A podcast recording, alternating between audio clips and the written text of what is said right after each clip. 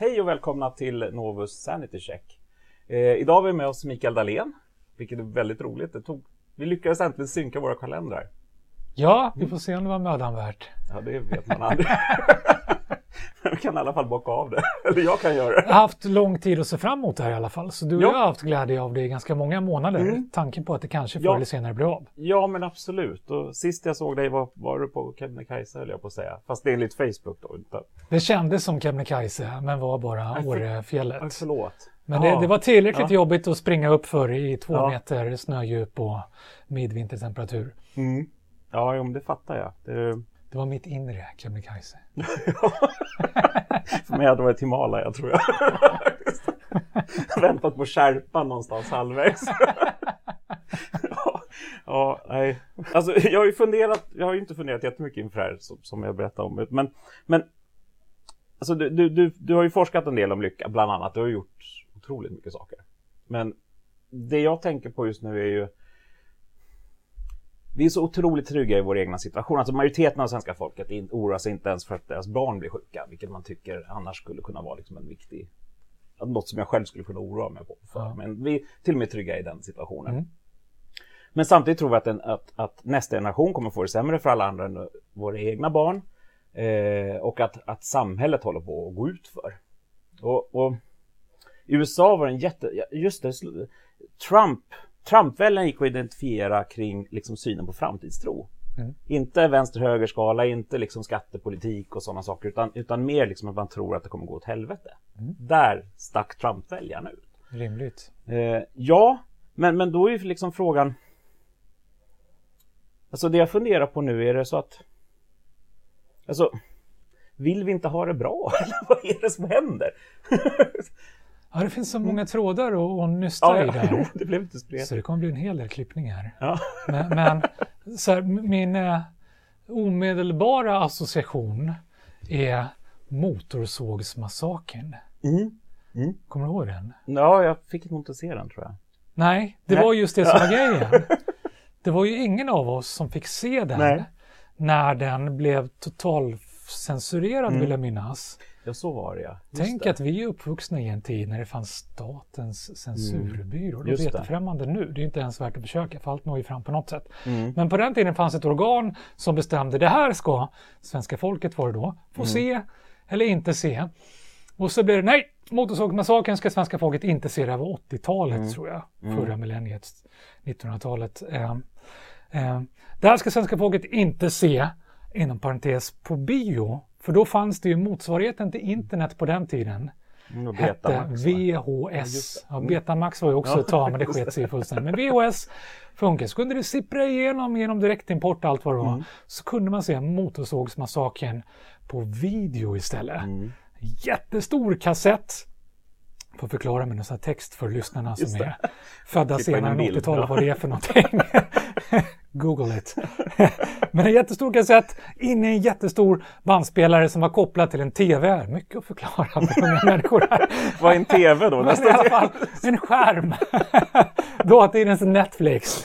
Där man då kunde se Motorsågsmassakern.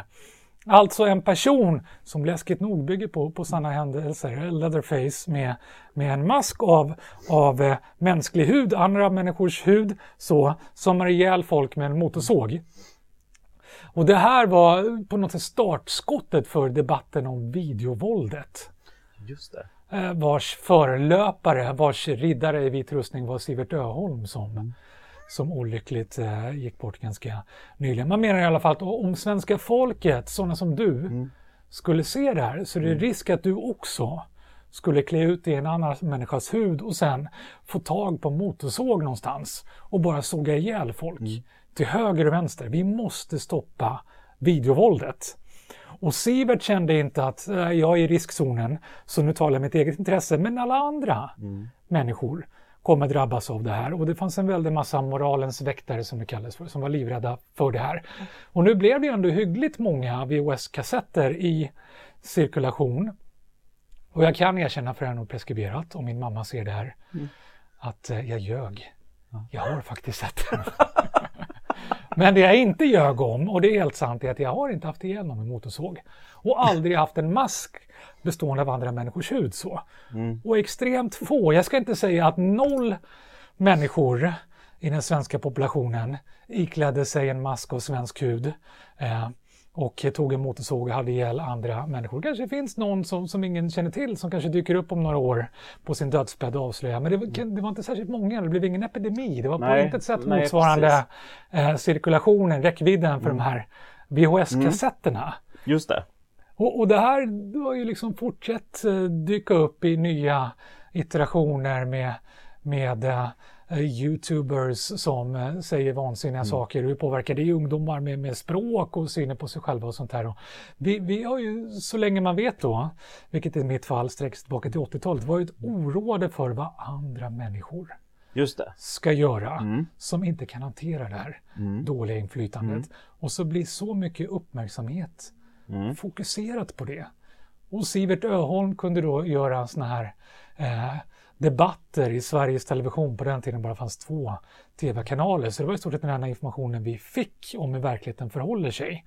Om att ungdomen är i förfall och har de inte förfallit redan så är det bara en tidsfråga. Så. Och, och så har det varit lång tid och det är ju betydligt mer intressant att göra ett tv-program om än att säga att all's well, det är fortfarande ganska bra med ungdomarna. Nu ska det vara en debatt om att det är ganska hyggligt med ungdomarna idag. ja, precis. Inget har hänt. In Sweden, nothing happened. Precis. Och det finns ju det finns ju studier på sånt och det har jag själv gjort också, den här negativity bias som det heter. Sannolikheten att det blir en löpsedel, att det blir en newscast, att det blir en nyhet är, är väsentligt större om det finns en negativ aspekt i det här. En sense of urgency, det här är någonting vi måste reagera på nu. Så länge allting flyter ganska bra, good news, det är liksom inte, det är aldrig akut. Så det får alltid stå tillbaka. Och jag skrev ju en, en bok för flera år sedan som hette Monster när jag grävde just om, om hur fascinerade vi av ondska och sånt. Och då var jag bland annat i, i eh, USA, jag var i Hollywood och pratade med producenter och så. Och fick lära mig uttrycket if it bleeds, it leads. Så är det alltid. Finns det blod inblandat, okej, då buffas det upp. Då är det det som får vara på löpet i nio-sändningen och så vidare. Så det finns en sån skevhet i nyhetsvärderingen som gör att vi får se väldigt mycket mera sånt och det vet du allt om. Och äh, ni gör ju sådana undersökningar också som visar att vi, vi lever i en värld som vi tror är mer osäker, korrumperad och allt vad det är än någonsin tidigare. Beroende på att vi möts av så vansinnigt mycket mer sån information än tidigare. Så den osäkerhet som finns, den korruption som finns, är vi informerade om på ett helt annat sätt än tidigare. Det är ingen som vet hur korrumperat det var på 60-talet, 40-talet, början av 90-talet, för det gjordes ju inte studier, den informationen fanns ju inte då. Kanske var ännu mer korrumperat, det är väldigt svårt att veta. Ja, Men idag- Sannolikt var det väl det. Ja, och idag vet vi väldigt lite och liksom de nyheter vi möts, det är just när det är. Ja, ja men precis. Och, och, och, och det är väl här det börjar bli lite svårhanterligt för att, för att de lokala nyheterna får ju också stå tillbaks för globala attacker Ja. eller katastrofer och så vidare. Ja. Vilket gör att vi, vi, vi bombarderas av högt och lågt på ett sätt som vi inte riktigt fattar. Vi gjorde en undersökning nu, politikerveckan i Järva kör ju just nu. Ja, Eh, och där man då ska prata med lokala människor. Och vi, vi, vi gjorde en undersökning för det och där var ju tilltron till samhället och, och framtiden mycket högre.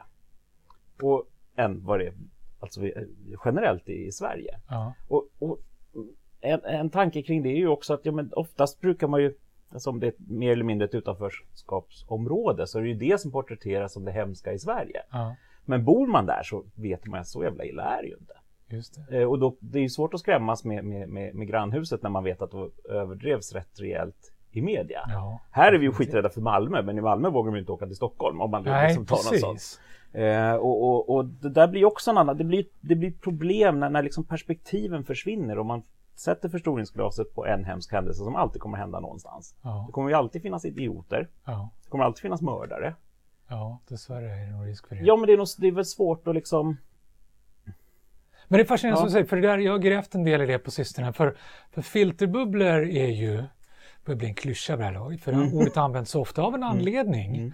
Att när det finns så mycket information, så den information som går igenom och som vi sållar själva eller får hjälp att sålla är ganska begränsad i, mm. i, i världsbilden. så. Men, men det intressanta är att den har börjat liksom smeta av sig rent geografiskt. Så vi börjar se en form av, av geobubblor också. Mm. För i och med att vi kan informera oss om och göra i stort sett allt vi vill göra via handflatan nu och skärmen. Mm. Så behöver jag få kontakt med någon på andra sidan världen, behöver jag göra någonting så kan jag göra det här. Så gör att vi fysiskt behöver röra oss mindre än någonsin tidigare, vilket mm. är ganska fascinerande. Så, så liksom i takt med att vår digitala räckvidd växer så krymper informationsflödet i filterbubblan men också det geografiska flödet som gör att ja, vi kan se det Stockholm, Malmö. Det är väldigt sällan jag verkligen behöver åka till Malmö. Mm. Jag kan interagera med väldigt valda delar men jag är inte där och ser mm. vad som händer. Eh, samma sak, eh, jättetydligt för mig som bor i en Stockholmsförort som heter Herrängen. Mm. Som passande nog eh, ligger precis eh, eh, vägg i vägg med. Det är inga väggar, men det skulle kunna vara väggar med Fruängen.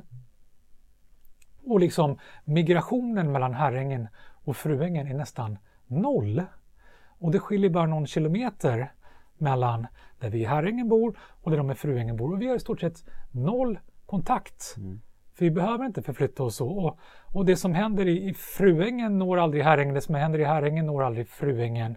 Och den information vi får det är via lokalblaskorna i stort sett om när det har hänt någonting där. Och, och, det blir nästan som uh, ekonomiprofessorn i mig vaknar. Det, det, det börjar nästan uppstå som parallella samhällen, parallella ekonomier i takt med delningsekonomi och allt sånt här att uh, okej, okay, uh, your money is no good here. Det börjar bli på riktigt.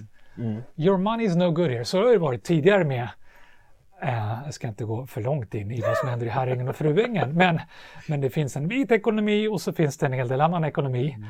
där, där, pengar är lite begränsade. Så det har ju funnits lokalt, men även med delningsekonomi, man, man, man delar bilar som parkeras och alla sådana här saker. Och där en viktig valuta i sig blir ju allt det här med förtroende och trovärdighet och sociala kapital och det börjar bli väldigt konkret nu. Mm. Jag möter på riktigt människor som bor i Herrängen och de har jag förtroende för, för att mm. jag faktiskt vet var de finns, jag ser dem och kan dela med. Jag möter inte människor i Fruängen, jag läser om hemska saker som händer och därför, mitt kapital är inte värt någonting där, deras kapital är inte värt någonting. Så det, det blir liksom som helt skilda ekonomier. Mm. Vi ser ju rena gated community som vi har pratat om i flera år i USA, mm. där man faktiskt bygger grindar med, med privatpolis och sånt. Det börjar dyka upp i Sverige också, för att vi misstror, känner oss bara trygga med det vi faktiskt, rent konkret, fysiskt har någon känsla för. Det snävas bara in mer och mer. Det mm. visar sig att i snitt under en vecka så håller vi oss majoriteten av vår vakna tid inom en radie på två kilometer. Mm. Det är liksom hela vårt universum som vi tryggt och säkert tycker oss veta någonting om. Och resten kommer via skärmen som är filtrerad på en massa sätt och har negativity bias som gör att vi får en väldigt skev bild mm. av resten av världen. Så. Mm.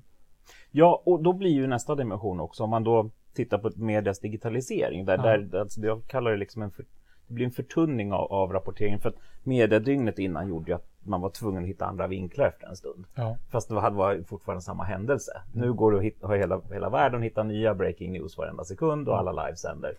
Och, och då hamnar vi ju i, ett, i en ännu mer liksom för, förtunnande bild av resten av samhället, vilket gör att vår, för, vår förståelse minskar ännu mer. När vi nu hamnar i reella diskussioner om, om jorden är platt eller inte. På riktigt, jag har fastnat i en sån tråd där det borde vara vettiga människor som höll på att argumentera för men det finns ju inget foto på en rund jord så därför kan inte jorden vara rund. Det är en konspiration. Och jag höll liksom på att tappa... Alltså men var ska man börja? Det blir jättejobbigt. Det. Ja, men jorden är ju platt. Inom en radie ja, på två ja, kilometer exakt. är den ju fullständigt ja, platt. Och till och med om du ska åka från USA till, till, till, Sverige så ser den ju ganska platt ut hela vägen. Och, så, mm. och då, det blir så här, det blir en sån frustrerande diskussion när man ska strunta i liksom typ Ja, egentligen allt vi vet. Vi visste ju att jorden var rund innan vi kunde se det, för vi kunde faktiskt räkna ut det. Mm. Det, var, det var ju inte så att vi åkte ut och tittade och såg det, utan det är ju det vetenskapen är till för i så mm. många olika delar. Mm. Einstein räknar ut allting på papper och penna. Det är helt otroligt.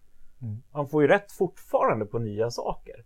Så det är ju inte så att vi bara måste visuellt bekräfta saker. Men om vi då hamnar i den här mikrovärlden där allting bara visuellt ska bekräftas. Plus att, att, att auktoriteterna nedvärderas ganska kraftigt. Det är ju det man pratar om den här kunskaps... Eh, att, att, att, eh, faktaresistens var det egentligen, som har också blivit ett fånigt ord. Liksom. Ja. Ehm, där vi ifrågasätter egentligen allting. Vaccinationens vara eller icke vara. Eh, jag har minsann inte fått mässlingen så då ska inte mina barn vaccineras. För att, alltså, Men det är intressant som ja. du säger med, med den visuella bekräftelsen och, och, det gamla uttrycket har ju funnits för rätt länge, seeing is believing. Mm. Det har ju verkligen inflaterats, mm. den effekten, därför att så stor del av vår informationskonsumtion, vår mediekonsumtion nu är visuell. Mm. Det har dragits mer och mer mm. åt det hållet. Uh, av flera anledningar. Tekniken möjliggör det. Uh, konkurrensen, if it bleeds it leads. Det finns mm. så stor konkurrens om vår uppmärksamhet och det visuella grabbar fortare. Så det blir ju mer och mer visuella nyheter, visuell information mm. och så vidare. Och ska vi dra det långt, varför skulle vi inte? För det är så roligt, tycker jag. och det Om vi snackar videovåld ja. så, så är det hög tid att vi snackar porrpanik också. Då betar vi av allt här. Uh, porrpanik, och det där grävde jag lite själv i när, när jag skrev eh, den här boken Nextopia för hundra år sedan. Känns som hundra år sedan, det är tio år sedan, men det skvallrar också med fort saker och ting ja. går så. så. Så kunde jag ju se studier då om att sexpreferenser mm. blivit grövre och grövre. Och hela diskussionen med Har ni haft sex? Nej, bara oralt. Det är inte sex. Nej, bara i ettan, ursäkta det grova språket nu, bara vaginalt, bara så. Men har du inte tryckt in den i tvåan, men det är inte på riktigt då liksom. Det ska vara, du ska liksom köra alla om det ska räknas. Det är inte bara jag som säger det här, utan det finns studier på det faktiskt. Det finns en bok, en gammal bok på det här som sagt. Men i alla fall, det blir övergrepp. Bara för att vi, vi, vi matats så mycket med det här. Att, att belöningscentret blir mm. överbelastat. Så det krävs mm. någonting mera mm. för att det verkligen ska, ska hugga tag igen. Och, och, samma sak med det där visuella också. Att det, liksom, det krävs någonting som blir lite starkare och vi blir avtrubbade mm. Mm. med det så hela tiden. Porrpaniken, samma sak. Ser man för mycket så, så blir det inte lika mycket sex och det har ju också kunnat konstateras på, på någon övergripande förvisso då makronivå, men i alla fall eh, porrkonsumtion, eh, egen sex, orsak-verkan är alltid det kluriga när man kollar tvärsnittsmässigt så. Men det finns ett samband och det verkar som det trubbas av. Så ju mer visuellt man kollar på det, så svårare är det någonsin att, att kunna få den belöningen med den startsträckan när man ska behöva dra igång motorsågen, eller på säga, på riktigt så. It all comes together liksom. Och det här kommer behöva klippas, för nu börjar jag själv undra, det börjar i en helt annan ände. Så. Men det var det här med, med det visuella, att mm. det är så starkt. Och ser man det mm. inte så mm. finns det inte och tiden finns inte. Det var det jag skulle komma till. Mm. Det är ju ingen som sitter med en LOs katalog idag mm. Det finns väl inga LOs-kataloger, men Nej, det, här, det blir så här väldigt ja. retrospektiv det här. Ja, en gammal professor sitter och berättar om förr i tiden. Ja. men när jag växte upp så fanns det LOs-katalogen, det var porr. På den tiden. Då kunde man som liten flicka eller pojke kolla på vad man nu föredrog. Föredrog mm. vuxna kvinnor eller män i underkläder, kalsonger, bh allt vad det var. Det var ungefär så mycket det, det blev. Så fick man ha fantasi att under där kanske finns någonting och så kanske de tog av sig det och så skulle jag kanske kunna komma på besök och så dra igång motorsågen och allt sånt där. Och det tyckte vi liksom det var mödan värt ja, att fantisera om. Mm. Men idag, varför göra det när du bara mm. behöver googla? Mm. Så, och så pang så får mm. du någon som gör jobbet åt dig väldigt omedelbart. Mm. Så, så man tycker inte det är värt att, att göra besväret överhuvudtaget. Och den grejen, som sagt som Einstein, sitta och räkna ut, är det runt eller inte? Men du googlar bild bara så ser du, men det ser ju jätteplatt ut. Mm. Eller runt. Det, det är en jätte mm. väsentlig del i det hela, skulle jag säga. Att vi, vi behöver inte, tar oss inte tid att använda fantasin tillräckligt. För det krävs ju mm. fantasi, alltså mm. vetenskap och fantasi hänger ju ihop. Sådär. Ja. IQ, fantasi, alla de delarna är ju jätteviktiga. Att faktiskt mm. kunna se någonting för ditt inre öga mm. som ditt, låter så konstigt, som ditt yttre öga inte kan, mm. kan se. Mm. Så det blir en väldigt tydlig konkurrens och där vinner ju det yttre ögat hela tiden. För det är bara klart så. Nej, det ser du väl själv? Ja, precis. Ja. Precis, och då kommer jag att tänka på supersträngteorin, vilket bara ger mig kortslutning. Ja. Där man liksom är nere på sju dimensioner i mikrokosmos och man känner åh gud, åh gud jag får ont i huvudet. Ja. Men det är ändå otroligt fascinerande att läsa om. Men det kanske inte är det längre för man ser det inte. Nej, Det, precis. Och, men men och det, väl det här jag också lite känner att eller det som, det som lite oroar mig för att jag, jag känner att vi nästan är mentalt i typ 30-talet Tyskland. Alltså vi tror att liksom samhället håller på att rasera vilken sekund som helst. Vi får Ja. bevis om det hela tiden. Mm. Det, det, väst, västerland, det finns mycket miss, missnöjespartier som, som skjuter i höjden. Sen om de vinner eller inte, det kan vi ha, det är en semantisk fråga. Men, men rörelserna går ju väldigt fort. Eh, Brexitvalet var ju en proteströst mer än kanske att man egentligen ville lämna, alltså och så vidare. Liksom. Ja. Och, och, och då, då hamnar vi i ett mycket slagare samhälle. För man måste, man måste bemöta den visuella intrycket av samhället snarare. Ygeman måste åka, åka till Malmö och en pressträff dagen efter för att visa att han är där. Ja. Istället för att kanske lösa problemet. Mm. För man löser inte det problemet på en eftermiddag på en pressträff. Mm. Eh, men, men, men sen är man då klar. Typ i, i den visuella världen. Men i verkligheten om man bor där och ser problemen så händer ju ingenting. Och då, då blir det en ganska stor krock just nu. Ja. Där vi hela tiden snabbt måste bemöta den visuella intrycken om du är liksom makthavare eller om du är beslutsfattare på något sätt. Eh, men samtidigt måste du också lösa de här problemen som går sakta. Ja. Men du belönas inte för det. För att det här liksom, och då, och det här är ju en jättebalansgång. Jag har träffat ganska mycket politiker och försöker diskutera den här frågan för att det är jättesvårt. Hur ska man inte bli populist i dagens politiska klimat? Nej, det går inte. Ja, det är fascinerande det där. Mm. Och tillbaka till, till Trump som du pratade om innan. Mm. Jag tycker det är så fascinerande. Jag kollade, av ren nyfikenhet så kollade jag. Eh, eh, det har pratat så mycket om approval rating som gått ner. Mm. Från en ganska hyggligt låg nivå redan från början. Men efter de första hundra dagarna i en av dessa metasammanställningar så låg han i snitt på 42 procent. Och den siffran 42 är ju kul om man är gammal sci-fi-nörd. med Verkligen. meningen med livet så. Men ännu mer fascinerande tycker jag det är i ljuset av en studie jag hittade som visade hur många amerikaner som tror på Gud. Mm. Och det är väl s- 42 procent. 42. ja. Är det inte fantastiskt Ja, överlappande så? Jag, skrev, jag fyllde ju 42 i- nu. Skrev ett långt blogginlägg på vår hemsida om just siffran Ah, 42. grattis. Jag älskar ju den. Eller hur? Men det, liksom, det finns så många sköna takes på det. Ja. Det ena är då att konstatera att Trump bokstavligt, eller snarare siffermässigt då, är Gud Mm. i USA. Att antingen tror man på honom eller så gör man inte det. Mm. Det är det att göra med om man tror eller inte. Mm. Gammaltestamentligt så. The wrath will come down and build a wall. Och så vidare. Och den andra delen är så här, okej, Trump har trappat i approval ratings, men snackar vi Gud, ett hyggligt tapp.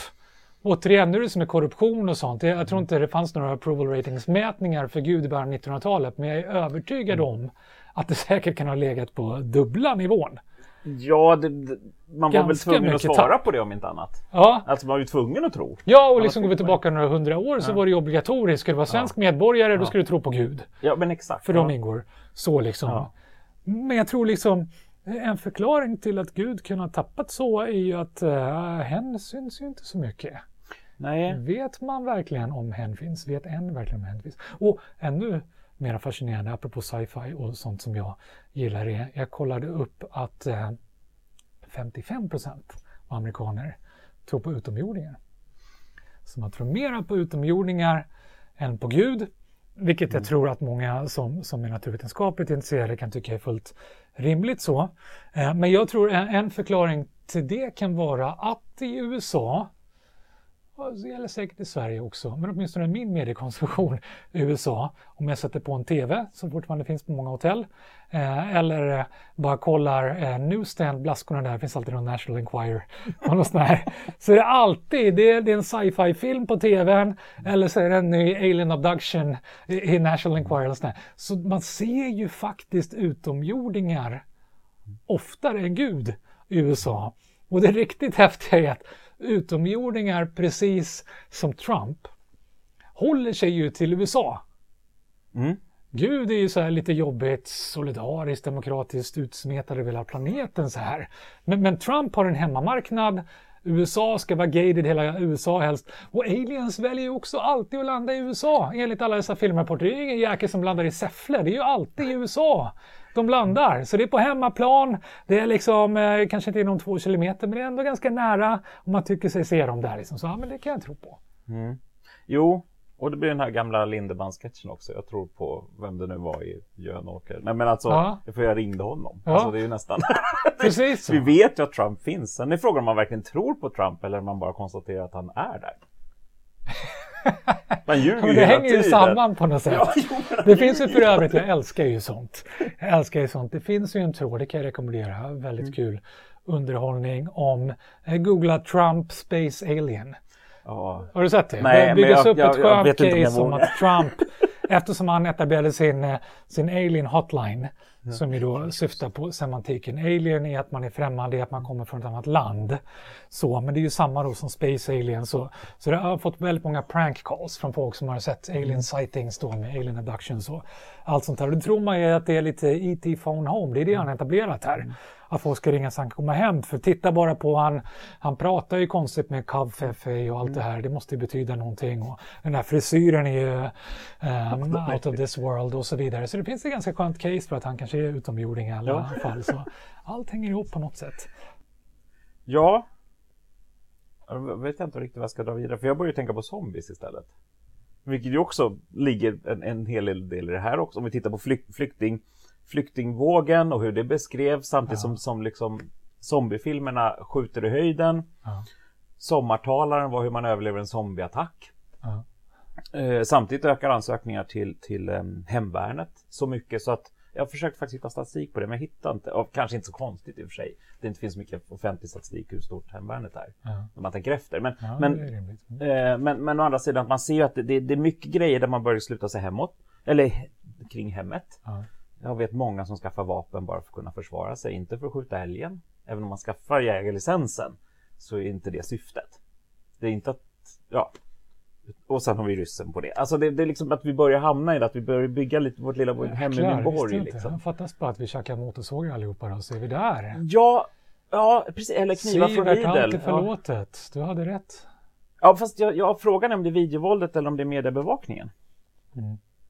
För, för, för Men det är ju det nya videovåldet. Ja, men exakt. Och det är där det börjar bli lite problematiskt. Mm. Och, och jag undrar ju lite också om, om man nu debatterar den här falska balansen var ju någonting som, som C- eh, BBC sa, men nu ska vi sluta med det kring vetenskap. Jättebra. Mm. Eh, det var en vetenskapsreporter som jag pratade med som sa det att när man pratar om Big Bang så, så var det någon producent på Sveriges Radio som vi måste, vissa kanske blir upprörda över det här. Så vi måste också prata om att det kanske finns en gud någonstans. Mm. Så att, I vetenskapsradion. Och då, då hamnar vi liksom i någon form av ett övertänkande som gör att vi skapar någon form av falsk balans. Men det gör vi just nu i alla diskussioner. Mm. Man kan debattera vad fan som helst. Bara det är två spännande människor i SVT Opinion. Mm. Den ena är oftast halvtokig. Nu kommer jag få skit för det, men jag tycker det. Ja, det blir mer spännande så. Ja men exakt, och det är medvetet val också. Och det var ju så Trump kom in överhuvudtaget i politiken. Han fick ju vara, för att han var galen hela tiden. Ja, det är Och- så jag sitter här. Mm. Nej, det tror jag inte. Det, där finns Tack, det något på tack. insidan. Sen, sen tror jag du kämpar på att skapa lite känslor också, men det är ju, det är ju ett medvetet val, men du har ju någonting att säga. Trump har fan ingenting att säga. Eller? Nej, Om, om, om det finns anledning att säga det han säger, det är en annan sak. Men, Ja, nej, men precis. säger han. Men Ja, och egentligen mm. i början när det var, var det 13 presidentkandidater på republikanska sidan, eller 12, mm. så var ju han i tv hela tiden för han var ju så tokig.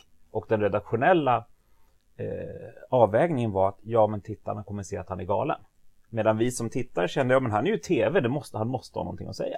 Och där, Mm. alltså vi kan prata så länge om det amerikanska systemet och en väldigt fundamental effekt i att ju flera kandidater det är, och det gäller ju Mm. alla valsituationer, ju flera man har att välja mellan, desto mindre är sannolikheten att det slutliga valet, när man väljer i grupp, Mm. kommer bli det val som flest ställer sig bakom. Mm. För det görs en kompromiss på en kompromiss. De tar ut varandra här som ligger nära varandra. Så det blir nästan alltid ett extremt val. Ja, så man ja, tänker demokratiskt, ju fler som finns att välja mellan, desto bättre demokratiskt, mera liksom majoritetsmässigt blir beslut. Nej, det blir tvärtom. Det blir mer extrema beslut, alternativ. Så liksom det, det är en ren förskjutning. Det, det är ett systemfel. Mm. Det, det är inte överraskande om man liksom tittar fundamental beslutsteori så. Mm. Att det blir en kandidat som egentligen majoriteten, vilket det ju är, Mm. majoriteten ställde sig inte bakom Trump. Nej, men precis, och det var ju samma med Hillary egentligen. Mm. Eh, Sanders hade en större, ett större stöd hos Republikanerna än Mm. vad Hi- Hillary hade. Så att sannolikheten att Sanders hade kunnat bli president var högre än Hillary. För Mm, att man måste ju precis. också locka över. Precis. Och det gäller även ett an- par andra kandidater på re- republikansidan som jag nu, just nu har glömt bort vilka det var. Ja. Men de låg mycket bättre till bland hela amerikanska folket än Ja. vad Trump gjorde. Ja. Så att, så att båda valde ju egentligen, och det känns ju ganska tönt. Vi har liksom, är det bästa USA kan komma fram till. Två Ja. som majoriteten hatar. Det var, de hade ju, vad fick Trump? 25, 20 procent av amerikanernas röster. Ja. Och Hillary fick kanske 21. Ja. Och det är ju helt obegripligt. Ja, det är ett helt Mm. uppenbart systemfel, både i, i eh, första delen, primaries Mm. där, och sen med hela elektorsgrejen som Mm. också fuckar upp det. Så inte ens där så är det egentligen majoritetsvinnaren i antalet röstberättigade eller röstande Mm. medborgare som gör det. Men sen systemfel, jag skulle säga hela representationssystemet är ett systemfel som gäller USA likväl som Sverige och kan förklara varför vi har, Mm. har problemet med eh, extrempartier och, och hela ordet populism säger ju också någonting Mm. om hur det fungerar. Och jag menar att det systemet det har överlevt sig själv för länge sedan. Det här representationssystemet bygger ju på kompromisser som gjorts för länge sedan när det inte fanns internet, det fanns inte ens video och så vidare. Det var inte samhällsekonomiskt försvarbart att människor skulle rösta särskilt ofta, att de skulle ha särskilt många val och definitivt inte vara inblandade själva. Skulle det här gå ihop så krävs ett fåtal kandidater som väljs för ganska långa perioder och sen får sköta sitt. Där alla som röstar egentligen inte är inblandade på något sätt eller ens medvetna om såklart den här personen ska sitta i tre år eller numera fyra år då. Det är omöjligt att förutsäga vad den personen kommer att tycka och tänka i en väldig massa frågor som uppstår så, vilket innebär att i majoriteten av alla beslut som fattas är människor inte alls insatta, har inte alls gett sitt eh, eh, godtyckande och kan tycka rent av motsatsen så. Och det är människor som går till val på helt andra frågor än de i slutändan kommer jobba med. Så. Mm. Och en del i det nu när vi blir så informerade och det visuella är att de då röstas fram på, på helt andra grunder. Röstas fram på kort sikt för populism, man tycker om dem, de verkar spännande, sköna, de sticker ut eller, eller man har en omedelbar lösning på någonting som väl vore fine, okej då får du sitta under en mandatperiod som inbegriper den omedelbara lösningen på tre månader. Mm. Och sen är det dags för någon annan. Mm. Men ska de sitta där i fyra år och försvinna iväg alla möjliga konstiga Mm. riktningar? Mm. Det är en gambling på en extremt hög nivå som det inte finns någon som helst belägg för. Nej men så är det ju. Och, och, och då är ju också frågan vad, vad händer när, när, när då liksom if it bleeds it leads i nyhetsrapporteringen Ja. vilket gör att det är bara de dåliga sidorna som syns. Ja. Det är väldigt sällan man ser en ledare som säger att han sköter det jävligt bra. Ja. Förutom den där grejen, men det är ju den vi kommer att prata om då. TV-licensen eller men vad det nu skulle kunna vara. Liksom. Och, och, och drar iväg något så sanslöst. Eh, och, och, och, för, att, för jag ser ju så mycket tecken nu, jag tror att det är 80% av svenskarna som håller med om att politiken bara är ute efter den egna makten. Ja. Det är inte jätte, skulle jag, om jag var politiker skulle inte jag tycka det var en jättebra svar. Och tanken var ju Mm. god i USA med att du får sitta som president i max två perioder, Mm. åtta år.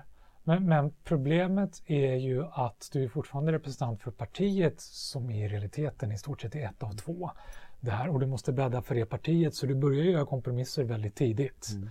Och i Sverige har vi inga begränsningar varken då eh, på parti eller personnivå, vilket också gör att en väsentlig del av din period verkar i ett helt eget intresse att få sitta kvar perioden efter. Mm. Och vet du hur mycket det kostar att kampanja som senator i USA då? Ja, det är jag nyfiken på. Jag kan fatta att det finns siffror på det. 50 som- miljoner dollar per senator. Det är nästan inga som sen byts ut. Så för har du väl kommit in så det är ju svårt för någon annan att alltså, skramla fram 50 miljoner dollar. Ja, det är skalekonomi. Alltså det är ju helt sanslöst mycket pengar. Mm. Och det här var inget jag hittade på utan det var, det var en fe- federal eh, jurist som, som, hade, som jag hade en liten träff med. Och som, Ja. som, alla de här problemen och trögheterna som finns i det amerikanska demokratiska systemet. I och med att det krävs så enormt mycket pengar. Nu kommer jag inte ihåg hur många hundra de är. Men Ja, det där ja. gör man ju bara en gång. Ja, precis. Ja. Sen vill man inte åka ut. Nej. Nej, verkligen. Och det, det formar ju också, så det är inte bara presidentkampanjen. Ja, helt sant. Så det, det, det, det är ett otroligt trasigt system. Ja. Sen är det inte mycket, ja det är, på ett sätt är det bättre i Sverige, vi har ett mycket högre valdeltagande, vilket man ändå måste säga är en positiv grej. Vi ligger ju på 85 procent i Sverige. Ja, det det. Eh, Men samtidigt finns det ju en massa andra ihåliga, eller, eller framförallt, det jag är mest orolig för just nu är att jag tror att misstron för politiken som verktyg ökar. Alltså man tror inte att politiken längre kan lösa problemen. Nej, med all rätt. Med all rätt. Ja, ja men exakt, men samtidigt så, så bevakas det som att man kan lösa precis allting. Ja, absolut. Och det blir ju ganska det blir svårare, vi har en global ekonomi, vi, vi, vi, vi, vi kanske också hamnar i ett läge där vi tycker att vi ska sätta upp gränserna bara för att, för att sluta det här samhället. Det ska bli hanterligt, ja, men påtagligt. vill, ja, precis så. Men samtidigt så blir vi av med nästan alla våra styrkor då med tanke på att vi är en jättestor exportnation och så vidare. Liksom, vi Mm. behöver mycket mer arbetskraft för att hantera en åldrande befolkning och så vidare och så vidare och så vidare. Men då man struntar i det för man bara tänker här och nu. Och då, då, det kan ju bara gå dåligt. Apropå det du sa om framtidstron och att allting är... Exa- ja men exakt! Jo men det, jo, men det. Jag är mest rädd för folks oro. Det är det som är problemet, att man kör den här reflexmässigheten att fakta är ointressant. Ja, För känslor är lika mycket värt. Och då drivs vi åt det här hållet. För vår Ja. reflex framåt är ju att se faror. ja, Hi- Historiskt minns vi bara det bra, för det är troligtvis en överlevnadsinstinkt också. ja. Så vi kommer ihåg allt dåligt som hände under vårt liv, då hade vi fan inte velat leva längre. Helt sant. Helt sant. Alltså att det är ju två, vi har ju två olika mekanismer. ja, liksom. definitivt. Eh, men, men, men de triggas nu på ett sätt som blir helt ohanterligt. Det var bättre förr. Om inte annat hade inte ont i ryggen. Nej, precis. Alltså sådana små saker. Och, men nu, nu, nu blir allt det här på speed utifrån den här förtunningen och liksom eh, man kämpar om att överrösta varandra på ett sätt som gör det nästan helt omöjligt för oss att filtrera. Ja, precis. Och det är det som inte går ihop. För å ena sidan valet som är den stora smällen. Där man då röstar på någon utifrån omedelbara belöningar som är att sticka ut, som är visuellt, som är någon som är intressant, som med Trump och med alla de här som lovar, men det här är en omedelbar lösning. Och det, det, där har vi ju en total missmatch då med att du röstar på en omedelbar lösning eh, som sen då blir plattform för en person i fyra år. Som inte går ihop på något sätt. Eh, och du röstar på en person som inte har en idé och inte kan ha någon idé om vad som ska hända bortom det överhuvudtaget. Eh, vi begränsar oss i, i omfång därför att vi vill att det ska vara mer påtagligt i så motto som gör att vi verkar en mera uppkopplad och sammankopplad värld men på ett snävare sätt. Som rimmar illa. Så Mm. Ja, jag, jag har ju massa radikala idéer. Det första är att vi måste korta ner mandatperioderna väsentligt. Mm. Det är inte relevant att rösta på folk så länge. Sen, är jag inte säker på att vi ska personrösta överhuvudtaget för att då blir det en popularitetstävling där det handlar om att synas och höras på helt fel premisser. Det gör att folk blir mindre inblandade därför att man överlämnar ännu mer åt någon skön lirare eller någon radikal lirare, en god eller vad det än är. Eh, och som skymmer sakfrågorna och så lutar man sig tillbaka och tycker bra eller klagar. Eh, En eh, real opinion som inte stämmer överens med faktiskt inblandningen man har. Så. så jag skulle gärna se det som det pratats om så länge, en sorts direktdemokrati man faktiskt kan rösta mer i sakfrågor när det händer. Då skulle jag, jag skulle gärna se ett eh, sånt röstningskörkort. För, för något som talar emot det är att det finns inte tillräckligt många människor som är tillräckligt insatta i de här frågorna. Nej men precis. Men då det- tänker jag ja. att alla ska inte rösta om allt, för jag inbegrips inte allt, det är inte relevant för mig allt, men det som verkligen betyder något för mig kommer jag ju tycka är mödan värt att informera mig om. Och det skulle man Ja. kunna ha en sån faktatest på. Då kan vi ju langa in Novus och Gapminder och hela köret med med certifiering. Det här kan Mm. du faktiskt, det här berör dig, det här är du motiverad, det här har du faktiskt tillskansat dig tillräcklig information och kunskap om för att kunna rösta på, på Mm. ett relevant sätt på. Och då får du rösta i de frågorna, inte i dem. När det faktiskt eh, vad betyder någonting och gör någonting åt det. tycker jag vore spännande. Jag tycker också det vore spännande apropå det här med att vi, vi får en snävare syn. Eh, Vi har en internationell handel. eh, Vi har andra utbyten som är jätteviktigt på massa olika sätt. Sociala, politiska, mänskliga så. Men vi har en representation som är väldigt snäv. Vi har sannfinländare som vill snäva in ännu mer. Vi har alla de här pratar om. Det går ju att lägga prefix på alla exit man kan mm. föreställa sig framöver. Mm. Jag tycker det vore jättespännande att ha som man har i, i idrottsvärlden eller i Melodifestivalen för den delen så här att eh, ja men Lasse Lagerbäck var ju rätt skön lirare för Island, nu det väl Norge ha honom och ja men vi gillar ju jobbet som, som de gjorde i Spanien, där tar vi in den. Mm. Lite mer sånt, mer erfarenheter från andra länder, insikt, förståelse. Mm. Jag trodde du skulle placera valet i Qatar. Eller OS i Sochi. ja. ja, det finns en del det, annat det att prata liksom om. Mm. Precis. internationella globala. För, för, precis, för, det, för, precis, för det är så otroligt många dimensioner här som blir problematiskt. För det första, just nu så är det ju den som skriker högst som syns. Ja. För det, det, det, det, det är fullt öppet mål om du vevar runt ordentligt och får 100 likes på Facebook om att du hatar något. Ja. Och då, blev det, då upplevs det som en folkrörelse, för storheterna har man fullständigt glömt bort. Mm. Det är ju typ ingenting. Mm. Det är som att, och, och men, men det, det, är så lätt, då skapar man liksom sina falska mikrouniversum. För typ 100 människor är jättemycket. Ja, men kanske inte på när vi har 10 miljoner väljare. Då är det helt ointressant vad 100 skrikare tycker. Ja, men för mig är det jättemycket. För ja, men det är exakt. hela mitt universum. Ja, men precis. Och, och är du journalist så kommer din, din brevlåda fyllas. Det räcker med en person för att göra livet surt för en, mig som individ. Ja, och där är ju ja. en annan grej. Det är också gjort studie på The Silent Majority. Mm som att vara silent men inte en majority. Att mm. om jag möts av massa gillningar eller massa hat så har jag en tendens att smeta ut det, extrapolera, tänka att alla som inte säger emot mm. håller med, det är en klassisk som mobbningsgrej. Mm. mm. Som jag lägger upp något i, i sociala medier eller vad det är och så är det någon som hatar, skriver något jätteelakt Eh, det är ingen som säger emot, tänker jag, att de andra tycker väl mm. samma. gjort sådana experiment att kunna se. Människor får exponeras för ett inlägg i sociala medier. Någon skriver något snällt eller något elakt. Och så har jag bara varierat hur många andra människor som har sett det här. Mm. Mm, den här personen har skrivit det här, här två hemska kommentarer. Tio andra har sett, tiotusen andra har sett och så vidare. Och effekten av det negativa amplifieras förstärkt med antalet andra ögon eller öron. För man Fattar. tänker att så många som har sett och inte sagt något, de tycker väl likadant. Mm. Ännu större spridning. Så är den här uppkopplingen, sammankopplingen, förståelsen för en att det finns ute där, vem som helst kan se, vet inte hur många det är, och det kanske bara är hundra, men vi mm. tänker ändå, det ligger ute på nätet och det kan alla se.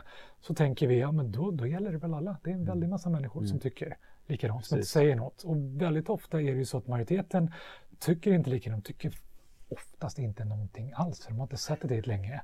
Precis. och vet om det här. Men det, det sker. Mm. Det, det, blir en massa folkrörelser mm. som egentligen inte är rörelser av folk. Mm. Det är fyra pers som mm. sitter och tokhatar eller tokälskar eller vad det är. Ja. Och som vi sen i våra huvuden bygger upp till stora migrationsfält av tankar. Exakt. Och, och därför ska jag inte säga ett ljud om ledarskribenterna just nu. Jag fattar vad du menar. Ja. för att det är liksom, det, vi, vi hamnar i sådana ja. Såna saker just nu. Om, om det är känslor som är det som är framtiden. Ja eh, som inte gick jättebra i USA. Jag tycker det är ett ganska dåligt exempel att ha Fox News och CNN eller MSNBC eller vad vi nu sätter på andra sidan. Ja. De liksom medvetet polariserar sig för att försöka mobilisera och så. så det. är det inte jättebra. Mm. Jag tycker inte det är journalistikens roll. Det går rätt bra med Hollywood där. Och zombiefilmerna. Ja, sant. Mm. Vi har alltid videovåldet. Ja, vi har det. Ja, men, och, och tv-spelsvåldet. Det kommer bli rubriken för det här avsnittet. Videovåldet. Ja. ja Motorsågsmassaker. eller Ja, nej, det, oj, det finns många rubriker. Vi kanske är klara nu. ja, det känns som vi har kommit till. Full cirkel. Ja, men det var jättekul att du kom. ja, det, jag hade väldigt kul. Ja, jag också. Tack snälla. Tack.